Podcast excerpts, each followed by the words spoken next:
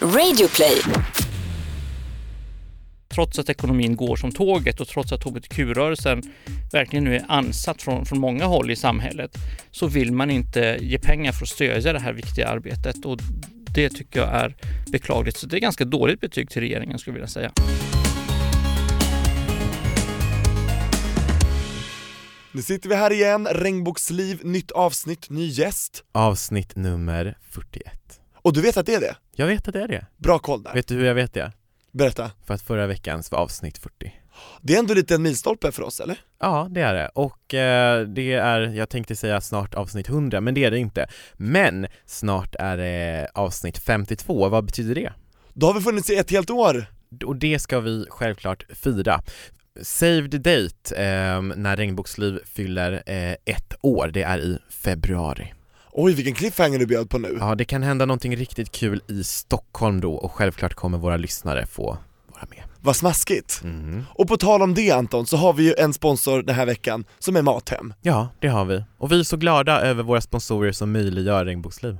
Ja men det är underbart, och förra veckan så pratade ju du om att du hade kommit hem från Thailand du kommer ihåg, och helt plötsligt så var kylen full av mat. Och jag vill faktiskt bara fortsätta prata om det på det spåret, att det är så smidigt ju. För du beställer från Thailand, från stranden, och jag sitter i min soffa, kollar på mina favorit-tv-program, och så sitter jag där och bara klickar i de varorna jag vill ha. Vad är, vad är dina favoritvaror då? Favoritvaror just nu är glass. För jag blev så inspirerad av, av din kod, jag använde faktiskt den förra veckan, glass. Ja, om Men du måste äta mer än glass. Ja, och jag äter ju det, för jag betalar ju, jag beställer ju för över 700 spänn och då får man ju använda glasskoden gratis liksom, om man beställer från mathem.se Mm. Och eh, jag vill fortsätta den här veckan med det, för att det jag älskar att göra just nu, med all den tid jag sparar när jag slipper gå ner på matvarubutikerna på stan och stå i kö och du vet, inte hitta i butikerna och så bära tunga kassar som går sönder jag kollar på mina serier, och nu har jag en favoritserie som är Will and Grace. De har ju kommit tillbaks med nya avsnitt. Just det, det har de. och det handlar om en kille som är bög, som heter Will, som bor med sin bästis Grace. Och sen har Will en bästa bögkompis som heter Jack, och hon har sin receptionist Karen, och de gör massa tokiga saker och jag kollar alltså alla de gamla avsnitten från 98 till 2006 och nu har de kommit med en nytt, ny säsong 2017 och det kommer en till säsong nästa år. Just det, och det här är faktiskt, ehm, när jag var eh, ung höll jag på att säga, jag är fortfarande När ung. du var yngre, Men när jag var yngre så kollade jag på TV och då gick den här serien Will and Grace och det var faktiskt ehm, en utav få så här, eh, serier som hade hbtq-personer med. Så som det huvudroll. var, det var en av de första liksom, hbtq-förebilderna som, som jag fick. Vad fint, för att du har helt rätt Anton, den är banbrytande den här serien, så jag Ja. vill verkligen ge ett slag för den, den finns på Viaplay tror jag om man Ja har det. precis, men tillbaka till Mathem nu, veckans sponsor. Och jag har veckans kod till dig, som fortsätter vara glass, G-L-A-S-S, hur stavar man till glass? G-L-A-S-S Och om du köper för mer än 700 spänn på maten.se och anger den här koden, då får du gratis glassprodukt, regnbågsglassen. Ja precis, för det är inte vilken glass som helst, det är den här äh, regnbågsglassen då va, som jag hade förra veckan eller?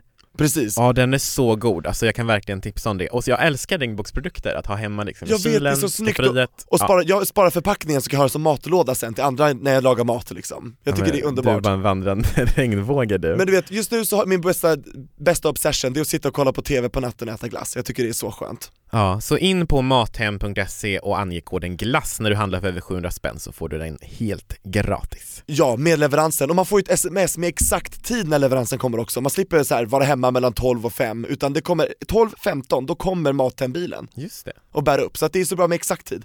Så att, tack så jättemycket Mathem verkligen för allt, ni vet vad ni gör. Ja, tack. Ja, och eh, det ska bli väldigt eh, liksom skönt också att få in eh, gästen här nu, Magnus Kolsjö. Ja, Magnus Kolsjö kan man säga, man kan säga Magnus Kolsjö också, det ja, gör han förlåt, själv. jag har så svårt med efternamn där när jag inte Ja, vet vad jag ska säga. det är ingen fara Tobias, jag tror inte att han eh, bryr sig om det. Men Magnus är ju tillförordnad ordförande för organisationen RFSL, som vi har snackat om tidigare. RFSL är också en av våra sponsorer i podden, men det är inte därför Magnus är med här, utan det är bland annat för att han är duktig på hbtq-historia och sen är han ju en hbtq-kämpe också. Och jag tänkte vi ska snacka lite om så här, politik, vara lite allvarliga för en gångs skull. Vi, vi brukar vara det ibland, men nu har vi inte, ja, vi kan, vi kan snacka lite om så här aktuella händelser. Vad gör politikerna? Vad gör de inte? Och så vidare. För han har ju stenkoll på det. Det har han stenkoll på, absolut. Eh, men innan vi tar in veckans gäst Magnus Kolsjö i studion så tänkte jag kolla med dig Tobias hur du mår idag. Viktigt att fråga. Ja men jag mår bra, jag är utvilad, har sovit länge, jag är taggad liksom på ett nytt avsnitt här och eh, jag har ju flyttat in färdigt nu. Mm. Alla kartonger är typ upplockade så att jag känner mig väldigt välinstallerad i mitt nya hem. Är du nervös inför eh, fredag? Nej, inför lördag? Just det, vi ska ju iväg till Värmlands bokfestival Anton. Ja, precis. Och eh, vi åker ju ehm, på nu i morgon åker vi, alltså nu eh, vi åker på fredag och eh, kommer livepodda på lördag på Värmlands bokfestival. Så har du vägen förbi, åk dit, gå in på, googla på Värmlands bokfestival så ser du exakt tid, jag tror det är 10.30 som vi går på scen och Ja. kommer köra en halvtimme ungefär med eh, gäst. Det ska bli superkul. Och vi kommer vara i Nöjesfabriken i Karlstad, klockan 10. Men Anton, innan Magnus Kolsjö kommer in, vill jag bara kolla med dig, hur mår du? Ja, jag mår faktiskt väldigt bra. Du snackar om att du har sovit mycket utvilad. Jag har sovit för mycket så att jag nästan är så här huvudvärks eh, o, eh, outvilad. Förstår du vad jag menar? Att det blev lite för mycket så att du är lite seg Men kanske? alltså, jag, jag sovit i typ 12 timmar och verkligen ehm, Ja, jag har sovit för mycket helt enkelt, men alltså annars, det är bra, det är verkligen, jag har ingenting att klaga på alls. Eh, så... eh, Du är fin i håret också måste jag säga. Ja, tack så mycket. Jag har inte klippt mig på ett tag, men det kanske är lite solblekt från Thailand. Det är en fin lyster. Thank you. Men eh, jag tänker också så här, innan vi eh, kör igång med eh, intervjun så ska vi också göra en liten rättelse från förra veckans avsnitt. Och eh, det var ju nämligen så att vi fick några lyssnarreaktioner på det vi pratade på angående det vi pratade om eh, skillnaden, om skillnaden mellan pansexualitet och bisexualitet. Och vi sa lite slarvigt, eller ganska väldigt slarvigt, eh, att eh, skillnaden är att pansexuella inte ser tvåkönsnormen. Och det kan ju tolkas som att bisexuella enbart ser två kön och det stämmer inte. Jag blev bara så glad att eh, Ace Wilder sa att hon var bi, så att det, det, jag vet inte vad jag sa riktigt, så jag be- ber om ursäkt. Med eh, det sagt så tycker jag att vi eh, släpper in Magnus Kolsjö i studion. Jajamän, välkommen in Magnus! Jättekul att du är här och utöver att du är veckans gäst i Regnbågsliv så är du också tillförordnad ordförande för RFSL. Mm, det stämmer. Och jag tänkte att vi ska börja snacka lite om eh, medlemskap i RFSL, för RFSL är ju faktiskt också sponsor i eh, Regnbågsliv. Varför tycker du att man ska bli medlem i RFSL? En viktig sak är ju att ju fler vi är, desto starkare röst är vi för att kunna förbättra livet för hbtq-personer. Att göra det bättre. Så det tycker jag är jätteviktigt. Men sen finns det här social gemenskap, få hitta på massa roliga aktiviteter och göra ny politik och påverka samhället tillsammans. Mm. Är du medlem Tobias? Jag är självklart medlem. Det jag frågade innan va? Ja, men jag trodde att jag var medlem, Magnus, faktiskt för länge sedan, men det var jag inte. Mm.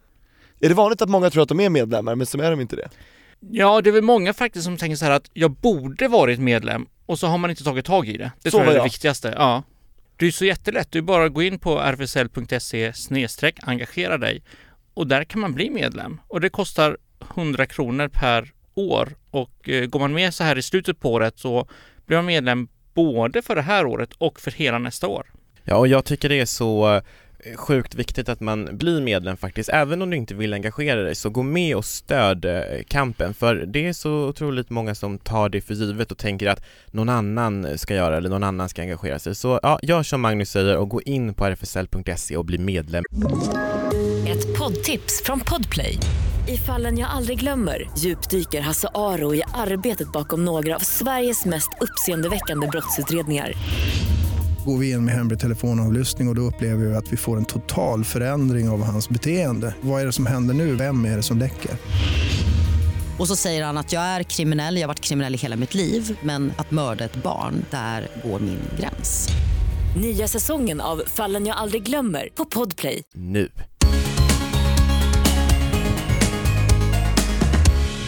En fråga som vi brukar ställa till våra gäster är när eh, han, hon eller hen först insåg eh, att den inte var heterosexuell. För för mig var det en väldigt lång process. Det här att, jag skulle säga acceptera för mig själv, tror jag är, är det det handlar om. Och då var jag ju 37, något sånt där. Så det var en ganska lång resa för mig. Jag är ju uppväxt i en frikyrklig miljö. Så att eh, där har man ju hela tiden lärt sig att eh, sex är någonting som hör hemma i äktenskapet mellan man och kvinna och det är liksom den relationen som, som en ska ha. Så att det har ju handlat hela tiden om det här att försöka be bort synden, att hitta något annat och det här ska nog komma över eh, till att tänka på att kanske ska jag leva i celibat. Så det har varit väldigt många brottningskamper fram och tillbaks innan jag kunde känna att jo, men det är ju den här jag är och kunna acceptera det själv. Och sen är det en resa efter det att komma ut. Men vad var det som hände när du var 37? Nej, men det där var ju väldigt, väldigt lång, lång resa och olika saker som jag tror föll på plats. Dels så hade jag ett samtal med Sören Juva som då, eh, och det här var innan jag var 37, men då var han ordförande i RFSL. Och jag jobbade för Kristdemokraterna och vi träffade varandra i olika politiska sammanhang och sen vid något tillfälle så sa han att jag kan inte riktigt förstå hur du som homosexuell man och sen någonting, det var, men det, det där stycket i vårt samtal kommer jag ihåg. Och, och det liksom högg tag i mig och så var det, vadå jag som homosexuell man? Är det, är det så andra ser på mig? För jag såg inte på mig själv så, jag var inte redo för det, men det där mognade nog under ett antal år, så det tror jag var ett frö på vägen. Vad var det som gjorde att han trodde att du var homosexuell? Jag har inte frågat honom om det faktiskt. Mm. Men däremot det här samtalet har jag nämnt för honom som det här var en, en viktig pusselbit faktiskt, att börja våga tänka i de tankarna, att, att definiera det jag kände i, i ord. Men jag tänker på um, den här komma ut-processen. Många har ju en liksom lång komma ut-process och, och, många har en kort också i och för sig. Men hur såg din process ut då från att du insåg att du, du var homosexuell till att du kom ut? Först kanske hitta någon partner av något slag. Det var ju liksom en viktig del, kanske på ett sätt mycket viktigare än att komma ut till andra, att kunna känna, är det här ett liv som, som jag trivs med? Är det här jag? Och sen var det verkligen det här, vem är lättast att komma ut för? Vem ska komma ut för först? Eh, eh, vilka är viktiga att komma ut för och, och hur ska de ta det? Eh, och, och, den första jag kom ut för, det var en, en vän som jag visste var homosexuell, som, som var öppet homosexuell och som vetat om i, i flera år, men trots det så när jag hade bestämt mig för det här och vi skulle träffas och jag gick och jag kräktes flera gånger den dagen för jag var så nervös. Oj! Mm. Wow, och hur länge sedan var det här? Kanske tio år bak i tiden och sånt där. Ja. Kan det vara något sånt? Åtta, sju, ja. Just det, då fanns ju eh, appar och liksom hemsidor och eh, forum mm, och communityn. Ja, ja. Började du hänga på dem? Ja, och det hade jag gjort innan också. Just det här för att, jag menar den här nyfikenheten och utforska och se och... Och det kan man göra anonymt ju, så det, då kan du verkligen göra i din egen takt. Precis, precis. Och hur var den upptäckten, upptäcktsfärden? Ja men det var ju alltså, hela tiden en blandning mellan det här att, åh det här är spännande och sen det här väldigt skamfulla, det här är synd, det här är fel, det här ska jag inte göra och nu ska jag avinstallera appen, nu ska jag radera allting från det här och Mm. Den här du... inre kampen eller vad man ska mm. säga Inre precis. konflikten Ja, ja, precis, bra Och sen då, berättade du då för den här vännen då? Ja Nej men det var ju bara att berätta liksom att eh, Jag vet inte exakt hur orden föll men det var bara så här, men jag tycker också om killar och, och jag tror reaktionen där var väl bra, det var så jaha, okej okay. Eh, Kanske lite förvånad eh, så men ja mm. Eftersom man också känner till den här liksom, religiösa bakgrunden och går i kyrkan och ja, allt sånt här. För mig var det väldigt viktigt med den första personen som fick reda på det. Det kändes liksom som att en, en eh, liksom sten hade släppts från mitt bröst och typ så här, nu blir det så himla mycket enklare. Var det samma för dig? När man berättat där och då var det verkligen en, en sten som föll men det, det, var ju inte lättare andra gången och tredje gången. Och, det var inte det? Nej. Men med familjen och så, blev det ett problem eller blev det en... Eh, med tanke på frikyrkan? det var faktiskt mycket mindre problem än jag kunde tänka mig. Det var inga problem alls faktiskt. Och samtidigt var ju det här någonting som jag hade väntat med. Där hade jag någonstans beslutat mig ganska tidigt just för jag kände det här att det hade varit en liksom konservativ uppväxtmiljö och jag var orolig. Och jag hade liksom andra som jag hade hört som hade växt upp i samma miljö hade kommit ut och blivit nästan utkastade från sina familjer. Så jag sa, men då, då vill jag vänta tills jag känner att jag har en trygg relation och falla tillbaks i innan jag kommer ut. om något skulle hända så har jag i alla fall det. Så därför så kom jag ju liksom inte ut förrän jag hade det. Men eh, från den familjemedlem där jag känt kanske mest oro fick ett väldigt fint brev som var så här och det här har vi nog anat och hälsa din partner jättevälkommen till familjen och ska bli så roligt att ses och helt annorlunda än alla mina farhågor. Gud vad skönt. För som du sa, det är inte garanterat att det ska bli så. Nej, precis. Ja.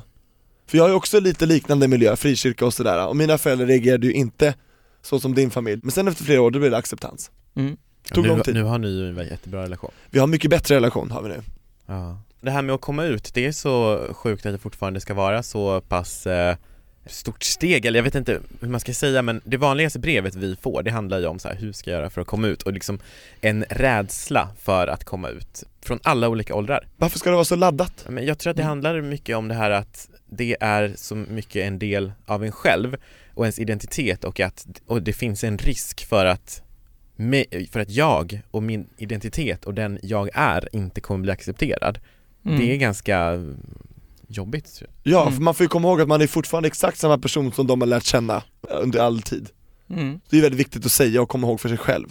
Man har inte ändrats bara för att man har upptäckt en sak. Nej, och jag gjorde också så, just med några vänner och kollegor och sånt så var det verkligen det här komma ut, berätta och det kände jag var ganska jobbigt. Eh, Med min familj så gjorde jag, ja, men precis som mina systrar gjorde när de har träffat en man och det var faktiskt när vi förlovade oss. Nu har jag förlovat mig med den här mannen.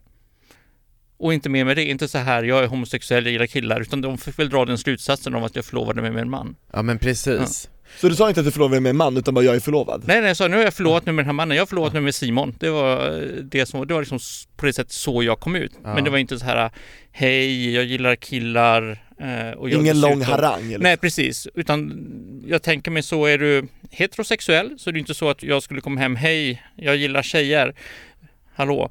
Utan eh, då kommer du liksom när du väl har en partner och tar med dig hem så ser de ju, ja men det här är liksom min barns partner och på samma sätt blev det i det här fallet för min, min pappa och mina systrar.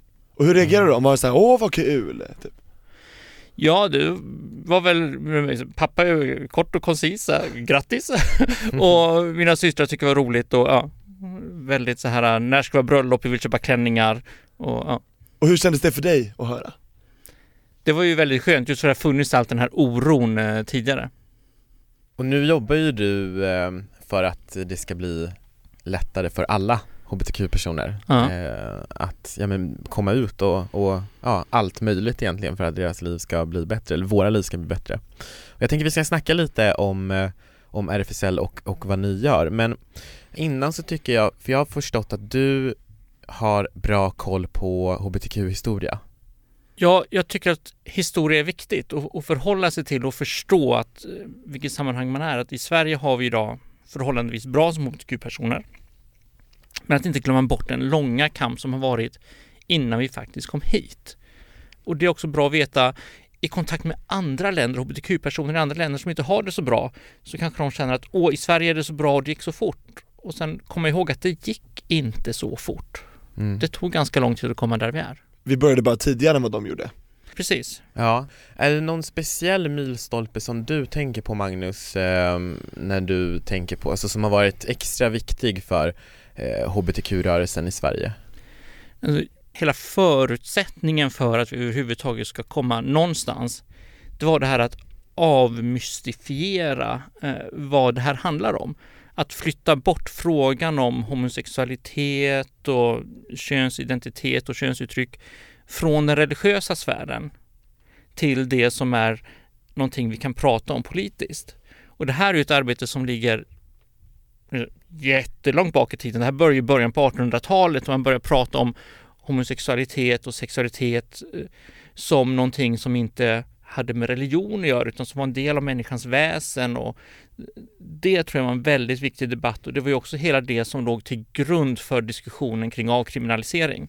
Så jag skulle säga att man kan prata om väldigt många milstolpar och reformer men jag tror det här att avmystifiera eh, där i någonstans ligger början. Och för det är ju det vi ser i många länder idag. Du sitter ju så fast i religionen att det här är en religiös sak. Religionen ska gå emot det här. Och där tror jag man måste börja. Menar du då alltså, om jag förstår rätt, att folk tror att det här var något, någon djävulen som var i en? Ja, precis. Lite så, okej. Att det på något sätt Fattar. då var förtappade människor. Och det ser vi ju i många länder idag att det kraschar in mot religionen hela tiden och det är liksom religiösa regler och det är kyrkor och det är moskéer och olika typer av religiösa organisationer som förföljer hbtq-personer och, och arbetar för att det ska finnas lagstiftning som på något sätt implementerar den religiösa tron in i lagboken. Och där tror jag det är jätteviktigt att ta bort det här från religionens sfär och för in det i den politiska kontexten. Och då kan man börja få reformer. Så Mm. det tror jag kanske är den viktigaste som hände eh, med början i början på 1800-talet och sen så tog det faktiskt ungefär 100 år innan det verkligen blev en politisk diskussion kring det här. Och, och sen så kom ju avkriminaliseringen då 1944. Så det är en lång resa från att man börjar och sa det här är inte religion, det här är något annat till att vi fick en stor och, och första politisk reform på området. Ja men för det är nästan otänkbart att föreställa sig att det faktiskt var olagligt att vara homosexuell innan 1944 Alltså Mm. att man kunde liksom bli gripen Eller var det när man utförde homosexuella handlingar som, man, som var olagligt? Ja, då, Och det var det det var? homosexuella handlingarna, precis. För det är ju handlingarna som du kan se. Ja, Du ser ju inte riktigt vad en det är då man känner. begår brottet inom citationstecken så Ja, att säga precis. Men att vara, att gilla killar, det kan man göra i tysthet och är inte olagligt Nej så men, jag fattar, Ja, wow. Och det är ju fortfarande olagligt i eh, en hel del länder, över 70 länder. Bland annat eh, Iran och Saudiarabien och Sudan så är det faktiskt eh, förenat med dödsstraff att utföra homosexuella handlingar idag. Bara när man visar kärlek, det är det som är helt sjukt. Ja, ja men Och då är det också andra länder där du kan få piskrapp och, och annat. Så att eh, vi såg ju det i Indonesien till exempel när svenska kungaparet var där så var det ju några homosexuella som bestraffades eh, samtidigt som statsbesöket pågick. Men kungen var inte där och Kungen var inte det. där då, utan däremot så har ju kungen berättat att de eh, tog upp frågan om hbtq-personers rättigheter med den indonesiska regeringen och det eh, tycker jag är väldigt stort att den svenska kungen nämner att det här är en fråga som de tog upp och som, som var viktigt under besöket. mm. Det visar ju hur viktig den här frågan är i Sverige och i den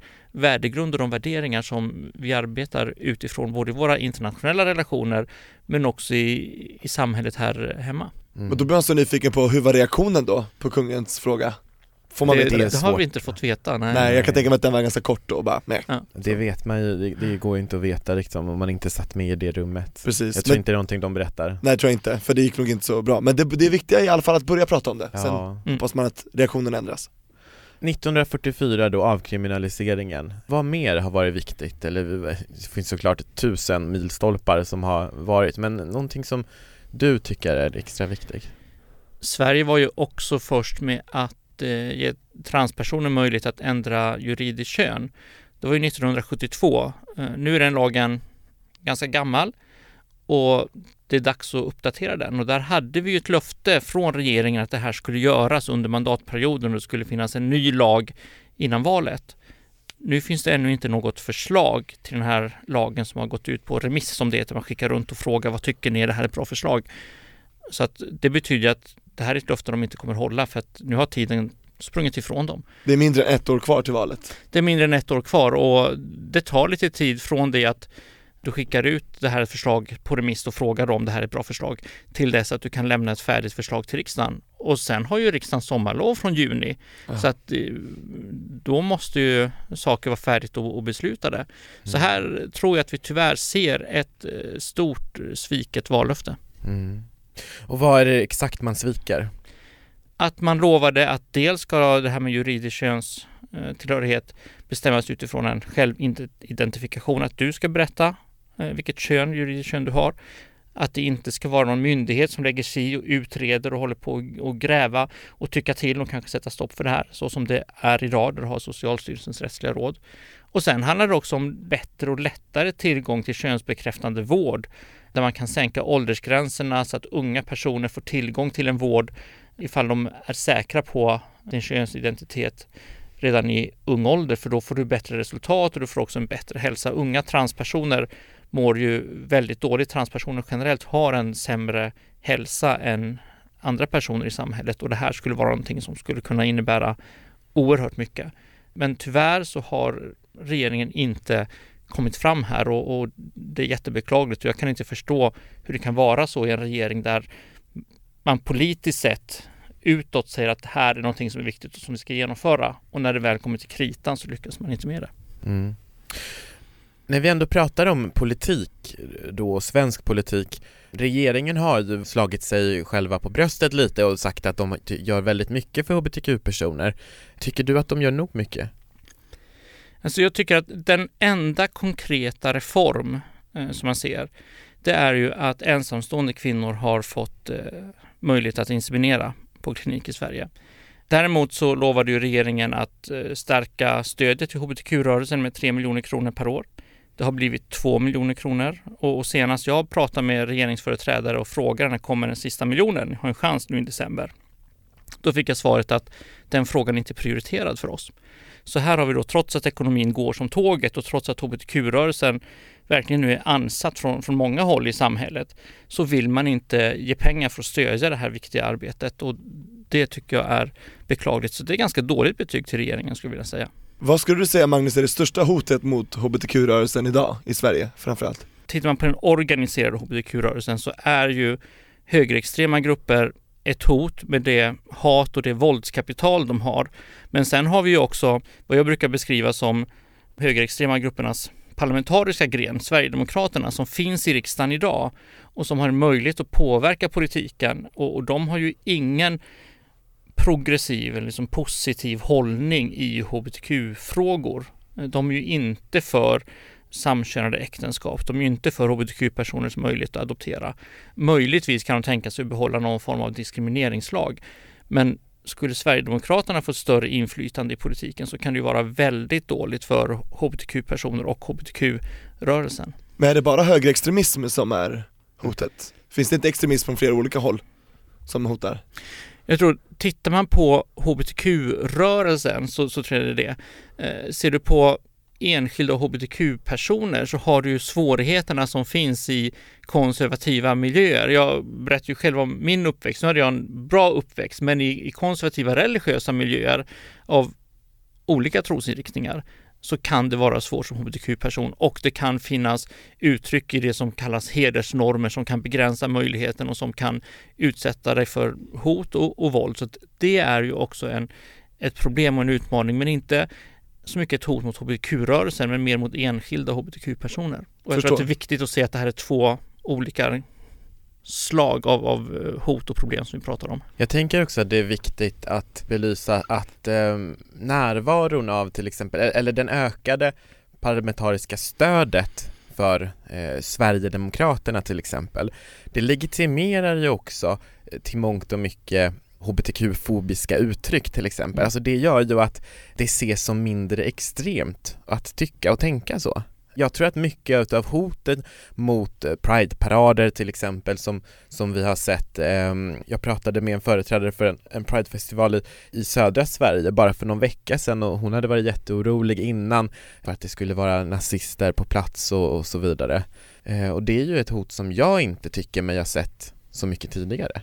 Nej, jag tror vi har sett en ökning av hoten från nazistiska grupper och, och våldsamma högerextrema grupper bara de senaste åren.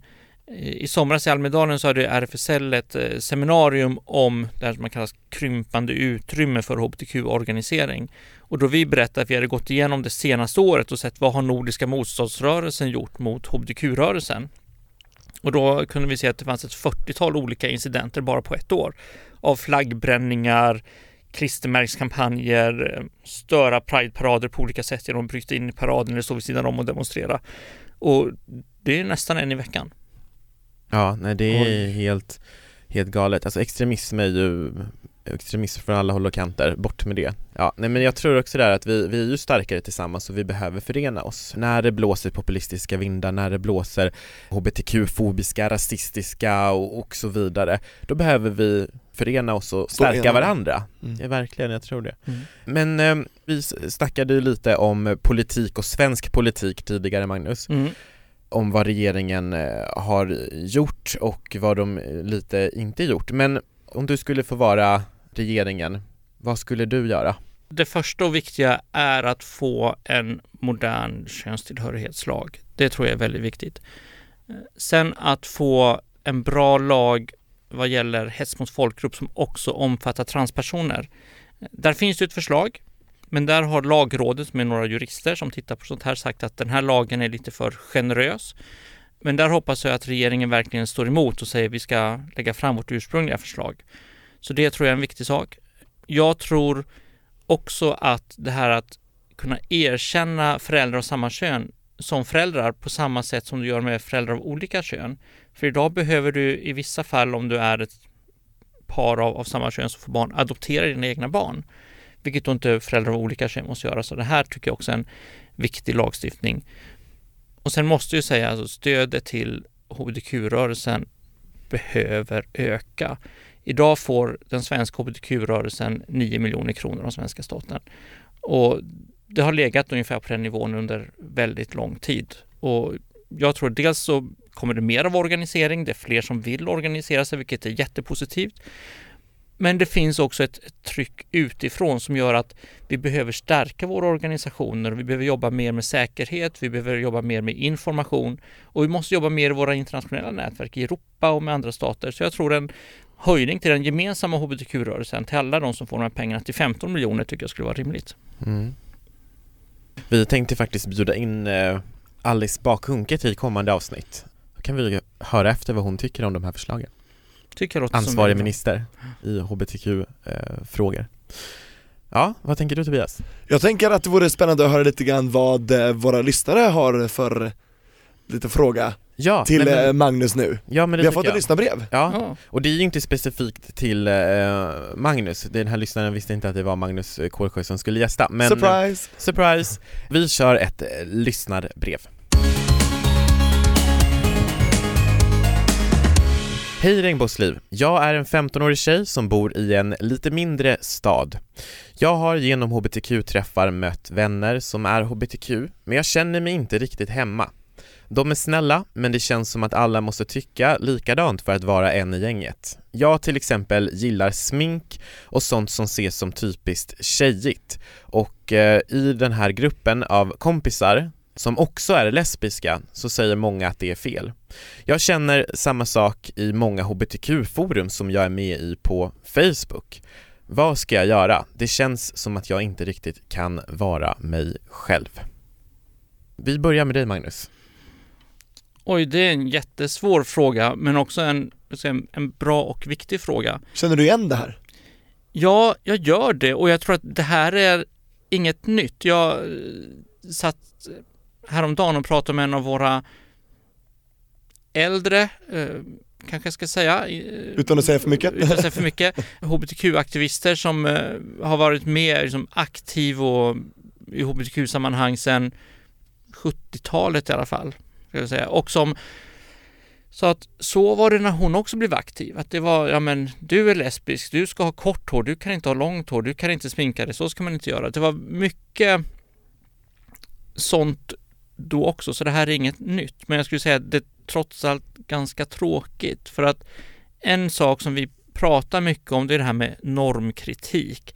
Att ifrågasätta normer, att ifrågasätta det här som säger att allting ska vara på ett visst sätt. Då måste det finnas utrymme att vara annorlunda, utrymme att vara olika varandra och att acceptera det, för det är också det som är våran styrka. Dels att vi kan se de här, men nu sätter vi upp begränsande ramar på människor. Låt oss ta bort dem.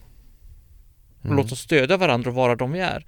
För då tror jag att vi blir som starkast. Och vad den här tjejen ska göra, jag tror det är viktigt, även om det är svårt, fortsätt vara dig själv och stå upp för din rätt att vara den du är. Och prata kanske också om att jag tycker det här är jobbigt. Ja, men jag håller helt och hållet med. Jag kan bara relatera till när jag själv flyttade till Stockholm. Jag var väl eh, 16 år eller något sånt där, ung, precis upptäckte att eh, jag var eh, hbtq-person och hamnade i en gruppering av eh, homosexuella killar som var ganska där man skulle sminka sig och bleka håret och ha liksom viss typ, alltså det existerar ju normer i alla grupperingar.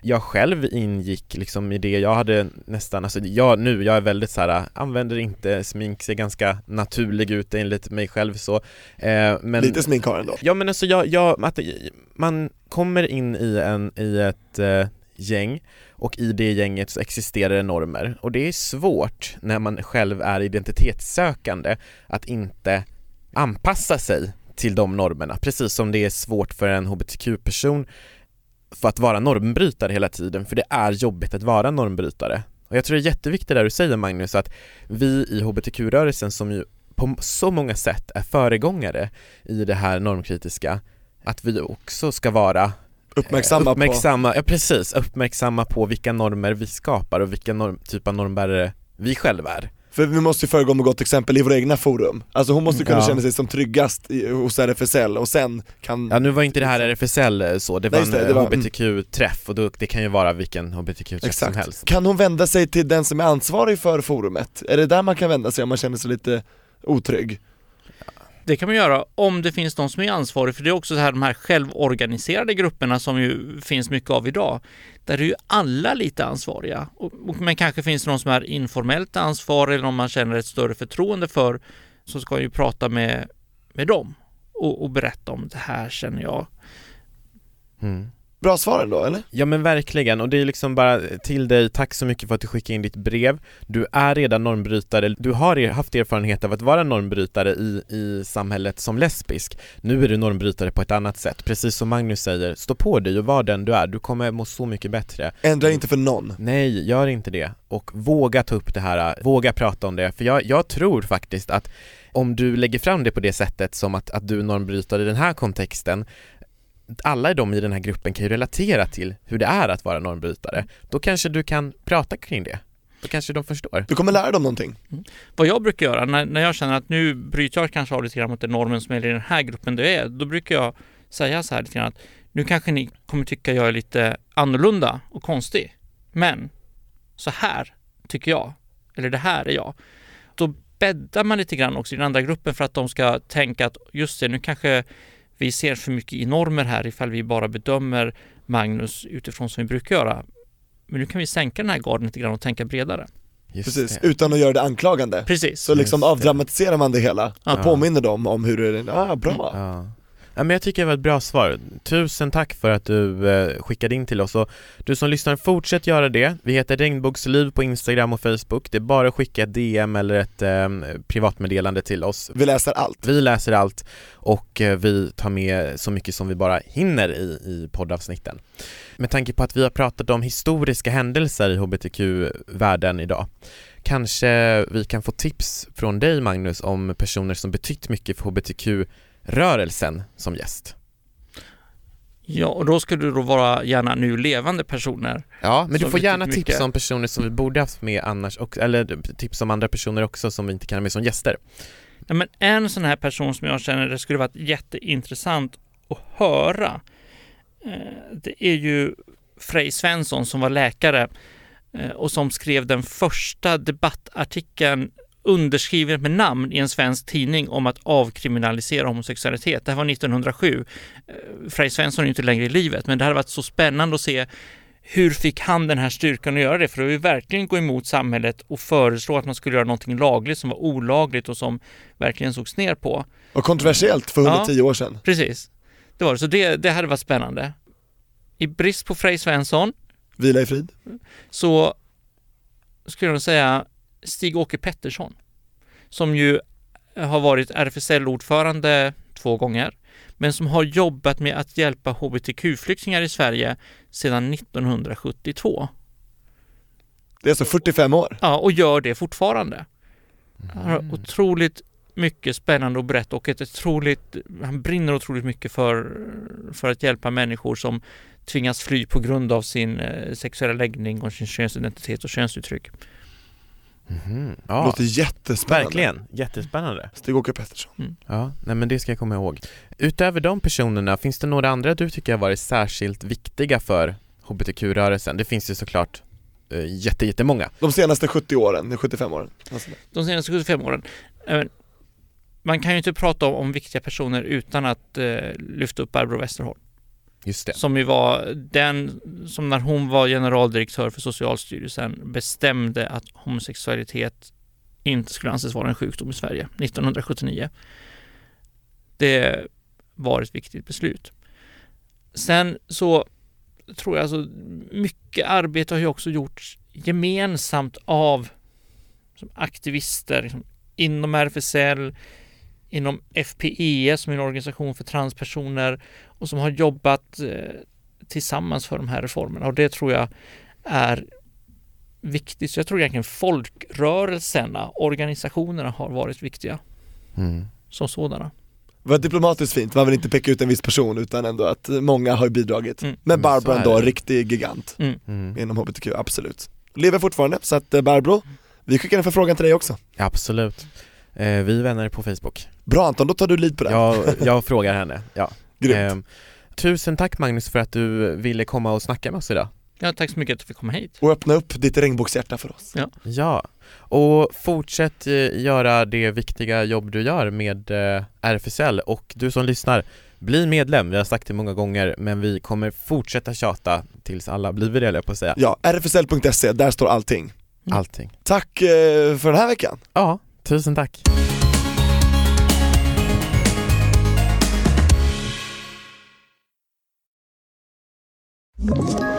Ett poddtips från Podplay. I podden Något Kaiko garanterar östgötarna Brutti och jag, Davva, dig en stor dos skratt. Där följer jag pladask för köttätandet igen. Man är lite som en jävla vampyr. Man har fått lite blodsmak och då måste man ha mer. Udda spaningar, fängslande anekdoter och en och annan arg rant. Jag måste ha mitt kaffe på morgonen för annars är jag ingen trevlig människa. Då är du ingen trevlig människa, punkt. Något Kaiko, hör du på Podplay. Därför är gardinerna.